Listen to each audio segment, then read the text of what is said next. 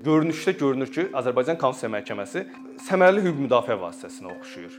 Yəni e, Avropa məhkəməsinə gedəcək işlərin yolunda bir filtr rolunu oynaya biləcək bir səmərəli mexanizmə bənzəyir. Bu da nədə özünü göstərir? Məsələn, fərdi şikayətlər vermək mümkündür, rüsum tətbiq olunmur, e, hətta vəkilsiz belə müraciət eləmək olur və s. E, ancaq fərdi şikayətlər institutu ilə bağlı qanunvericiliyin dərinliyinə gedəndə görürsən ki, bu institut Azərbaycanda səmərəli effektiv mexanizm deyil.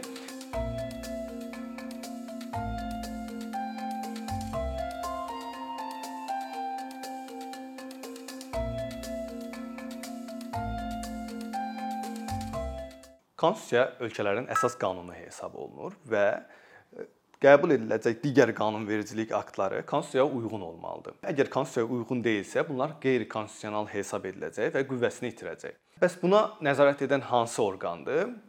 Müxtəlif ölkələrdə müxtəlif cür adlanır bu. Azərbaycanda da əksər dünya ölkələrində olduğu kimi bu Konstitusiya məhkəməsidir. Konstitusiya məhkəməsi iyerarxik şəkildə ikinci dərəcəli qanunvericilik aktlarının birinci dərəcəli və əsas qanuna uyğunluğunu yoxlayır və buna nəzarət edir. Ancaq Konstitusiya məhkəmələrinin səlahiyyəti yalnız bununla məhdudlaşmır. Səmərəli hüquq müdafiə mexanizmi kimi hesab ediləcək konstitusiya məhkəmələri eyni zamanda fərdi şikayətlər qəbul edir. Yəni onlar yalnız konstitusional, qeyri-konstitusional hesab etmir e, qanunvericilik aktlarını, həm də konstitusional qanunvericilik aktlarının yanlış tətbiqi, tətbiq olunmaması və ya yanlış şərhi ilə bağlı işlərə də baxır. Bunlar əsasən fərdi şikayətlər əsasında mümkün olur. Fərdi şikayət şəxsin aşağı dərəcəli hüquq müdafiə vasitələrini tükəndirdikdən sonra Konstitusiya məhkəməsinə birbaşa pozulan hüquq və azadlıqları ilə bağlı, yəni konstitusiyada nəzərdə tutulmuş hüquq və azadlıqlarının pozulması ilə bağlı birbaşa Konstitusiya məhkəməsinə müraciət etmək hüququdur. Və ə, Azərbaycanda da bu sistem 2002-ci ildən Azərbaycan Respublikasının konstitusiyasına referendumla əlavə olunub. Ə, deməli Konstitusiya məhkəməsinin fərdi şikayətlər qəbul etmək öhdəliyi necə formalaşıb Azərbaycanda? Bu öncə Azərbaycan Avropa Şurasına üzv olanda üzərinə götürdüyü öhdəliklərdən biri o idi ki, Azərbaycan Konstitusiya Məhkəməsi fərdi şikayətlər qəbul edəcək və sual olur ki, Avropa Şurası niyə bu məsələdə maraqlıdır? Avropa Şurası Konstitusiya Məhkəməsinin fərdi şikayət qəbul etməsinə ona görə maraqlıdır ki, bütün ölkələr Avropa Şurasına üzv olandan sonra Avropa İnsan Hüquqları Məhkəməsinin E, yurisdiksiyasını qəbul edir və yurisdiksiyasını qəbul edəndən sonra çox sayda şikayətlər gedəcək Avropa məhkəməsinə. E, və Sovet İttifaqı dağılandan sonra Avropa Şurasına çox sayda Sovet ölkələri qəbul olundu. Bununla da e, Avropa İnsan Hüquqları Məhkəməsinin işi hədsiz artacaqdı və iş yükü altında əziləcəkdi. Avropa Şurası buna qarşı bir mexanizm onu düşünür ki, İnsan Hüquqları Məhkəməsinin, Avropa İnsan Hüquqları Məhkəməsinin kiçik bir modelini yerli formada formalaşdırılsın. Bu fərdi şikayətlər mexanizmidir və bu yolla gedəcək şikayətlərin böyük bir hissəsi Konstitusiya məhkəməsində e, belə deyək, filtrdən keçəcək. Yalnız çox ciddi işlər Avropa İnsan Hüquqları məhkəməsinə gedəcək. Və bu səbəbdən bu sistem e, Azərbaycan Respublikasının e, konstitusiyasına gətirildi və gətiriləndən sonra amma bir müddət bu işləmədi. Nəyə görə? Çünki mexanizm mövcud deyildi. Həmin dövrdə e, Azərbaycandan Avropa məhkəməsinə gedən şikayətlərdə Azərbaycan hökuməti etiraz edirdi ki, bu adamlar konstitusiya məhkəməsinə müraciət edə eləməyiblər və bunların şikayəti yerli hüquq müdafiə vasitələri tükəndirilmədiyi üçün qəbul edilməməlidir Avropa məhkəməsi tərəfindən. Amma e, bu işlərin ən nümunələrindən biri İsmailov Azərbaycana qarşı işdir. E, ancaq e, Avropa İnsan Hüquqları Məhkəməsi dedi ki, Azərbaycanda hələ ki mexanizm yoxdur. Mexanizm mövcud olandan sonra biz bu məsələyə sonra baxarıq və bu mexanizm də 2003-cü ilin sonunda qəbul edilən konstitusiya haqqında qanundan sonra tətbiq edilməyə başladı.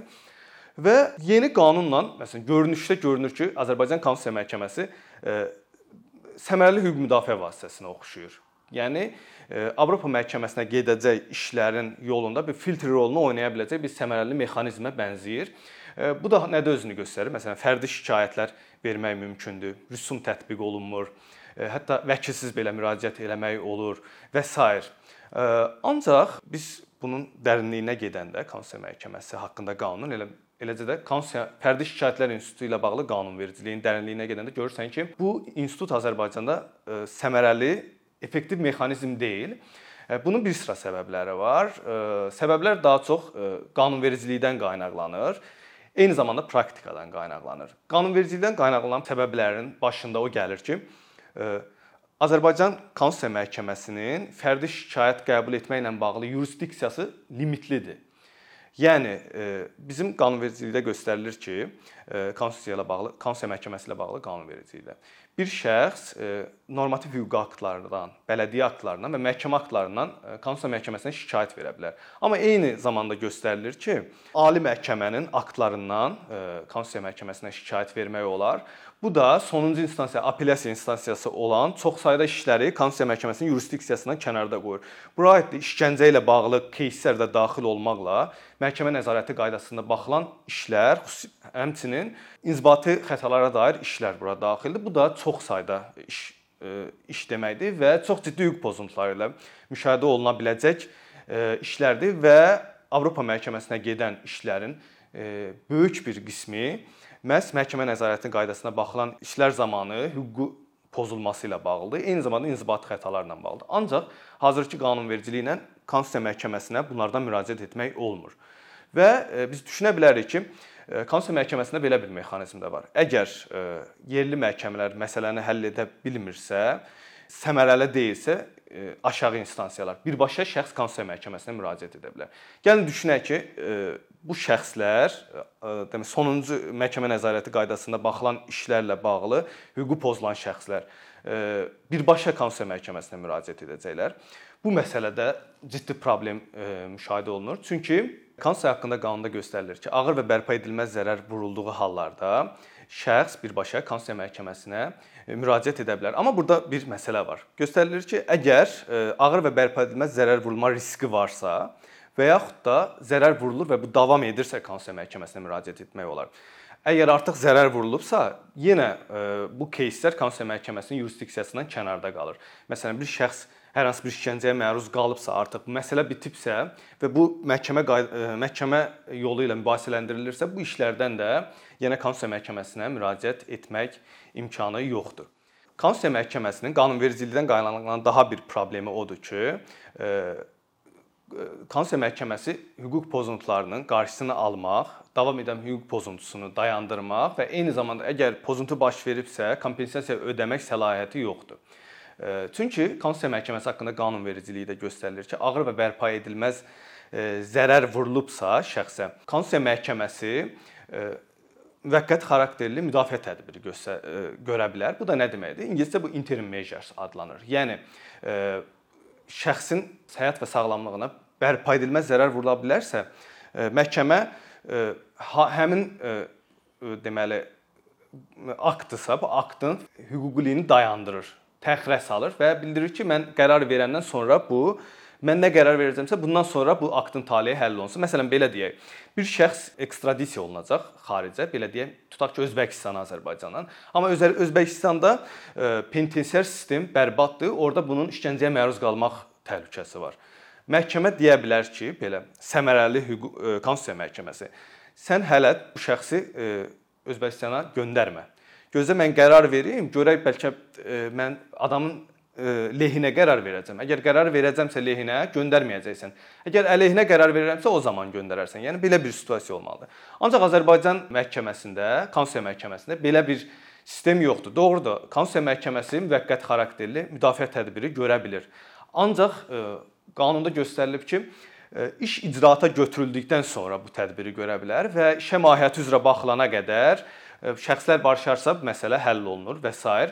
Ancaq bizdə bizim Konstitusiya məhkəməsində belə görünür ki, icraata götürülənə qədər böyük bir müddət keçəcək. Bu müddət ərzində Konstitusiya məhkəməsi interim measure göstərə bilmir. Yəni müvəqqəti xarakterli müdafiə tədbiri göstərə bilmir. Beləcə şəxs məsələn deyək ekstradisiya oluna bilər çox rahatlıqla. Bu da Konstitusiya Məhkəməsinin səmərəli hüquq müdafiə vasitəsi olmaq olmaqdan çıxarır belə deyək. Və biz onun tərəfindəyik ki, Konstitusiya Məhkəməsi hələ iş icraata götürülməmişdən qabaq sırf Avropa məhkəməsi kimi götürülməmişdən qabaq müvəqqəti xarakterli müdafiə tədbiri görə bilsin, öncə prosesin qarşısını alsın. Sonra qərar verəndən sonra məsələ həll olunar. Azərbaycanda bu da yoxdur. Azərbaycan Konstitusiya Məhkəməsinin səmərəliliyini azaldan digər bir problem ağlabatan müddətdə müddətdə baxılmayan işlərlə bağlı Konstitusiya Məhkəməsinin bir qərar vermə səlahiyyətinin olmamasıdır. Yəni Yerli məhkəmələrdə bəzən işlər illərlə, bəzən 10 il uzanır. Belə situasiyada Konstitusiya məhkəməsi nə şəxsin birbaşa müraciət etmək imkanı olmalıdır və şəxs müraciət etməlidir ki, buna ağlabatan müddətdə baxsın. Konstitusiya məhkəməsinə müəyyən müddət qoymalıdır və əgər şəxsin hüququ pozulubsa buna kompensasiya ödəməlidir. Məsələn, götürək Xorvatiya Konstitusiya məhkəməsi, əgər uzun müddətə baxılmırsa, ağlabatan müddət ərzində işinə baxılmırsa aşağı məhkəmələr tərəfindən şəxs Konstitusiya məhkəməsinə müraciət edə bilər və Konstitusiya məhkəməsi aşağı məhkəməyə deyir ki, bu işə artıq bu müddət ərzində baxacaqsan və şəxsin hüququ pozulubsa, hətta kompensasiya ödəmək səlahiyyəti var. Azərbaycan Konstitusiya Məhkəməsində nə ağlabatan müddət təyin etmək, nə də kompensasiya ötmə, ödəmək səlahiyyəti yoxdur. Konstitusiya Məhkəməsinin praktikadan qaynaqlanan problemləri də var. Əslində praktikadan qaynaqlanan problemlər həm də qanunvericilikdən qaynaqlanan problemlərdir. Bunun başında o gəlir ki, Konstitusiya Məhkəməsinin araşdırma mexanizmi səmərəli deyil.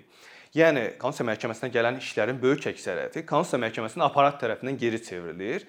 Geridə qalan işlərin qəbul edilənliyi ilə bağlı isə Konstitusiya məhkəməsinin palatalarında baxılır və palatalarda ona gələn işlərin böyük bir hissəsini geri çevirir. Çox az bir iş Konstitusiya məhkəməsinin plenumuna çıxarılır.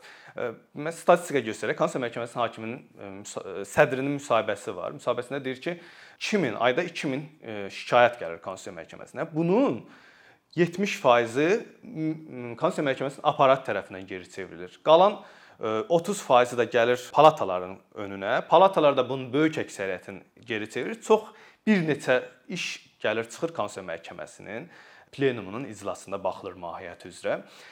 Və burada problem nədir? Məsələn, nümunə üçün göstərək, Türkiyə Konstitusiya Məhkəməsi 2011-ci ildən fərdi şikayətlər qəbul etməyə başlayıb. Yeri gəlmişdən dünyada ən səmərəli konstitusiya məhkəmələrindən biri hesab olunur. 2011-ci ildən bu günə qədər keçən bir 12 il ərzində Konstitusiya Məhkəməsi, Türkiyənin Konstitusiya Məhkəməsi 11 mindən artıq mahiyyəti üzrə qərar qəbul edib. Azərbaycan Konstitusiya Məhkəməsi isə 2004-dən fəaliyyət göstərir, cəmi 200 qərar qəbul edib. Yəni bu statistik göstərici özü Azərbaycanın Konstitusiya Məhkəməsinin nə qədər səmərəsiz fəaliyyət göstərdiyinin e, bir sübutudur.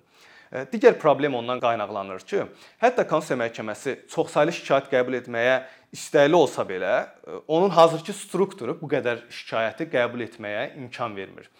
Çünki Konstitusiya Məhkəməsi 9 hakimdən ibarətdir. Mahiyyəti üzrə bütün işlərə plenumun iclasında baxılır yalnız palataların iclasında yalnız qəbul edilənliklə bağlı işlərə baxılır. İşin çətinliyindən, asanlığından, mürəkkəbliyindən asılı olmayaraq bütün işlər plenumun iclasında baxılır. Bu da 9 hakimin bütün işlərə baxması, əgər çoxsaylı şikayət qəbul edəcəksə, bütün işlərə baxması praktik olaraq mümkün deyil. Buna görə də məsələn dünya təcrübəsində belə görünür ki, daha asan işlərə palatalarda baxılsın. Çox çətin və mürəkkəb işlərə, hələ oturuşmamış prezident hüququ olmayan işlərə Konstitusiya Məhkəməsinin plenumunda baxsın. Bu da daha bir problemdir. Və bunları ortadan necə qaldırmaq olar? Bu problemləri öncə biz öncə də dediyimiz kimi Konstitusiya Məhkəməsi şikayət qəbul edərkən yalnız ali məhkəmənin aktlarından deyil, sonuncu instansiya həmçinin apellyasiya olan qərarlardan da şikayət qəbul etmək səlahiyyəti olmalıdır. 1. Konstitusiya Məhkəməsinin strukturu dəyişməlidir. Çoxsaylı şikayət qəbul etmək üçün struktur dəyişməlidir və struktur dəyişəndə təbii işçilər də artacaq. Bu işçiləri artan işçilərin də demək əmək haqqısını ödəmək üçün yetərli büdcəyə malik olmalıdır. Və ən əsas ən əsası Konstitusiya Məhkəməsi bu işləri görməkdə istəkli olmalıdır. Və əgər bu istək olmasa Azərbaycan dövlət olaraq Konstitusiya Məhkəməsi səmərəli hüquq müdafiə vasitəsinə çevirmək üçün istəyi olmasa, nə qədər dəyişiklik olsa, bunların heç bir səmərəsi olmayacaq. Thank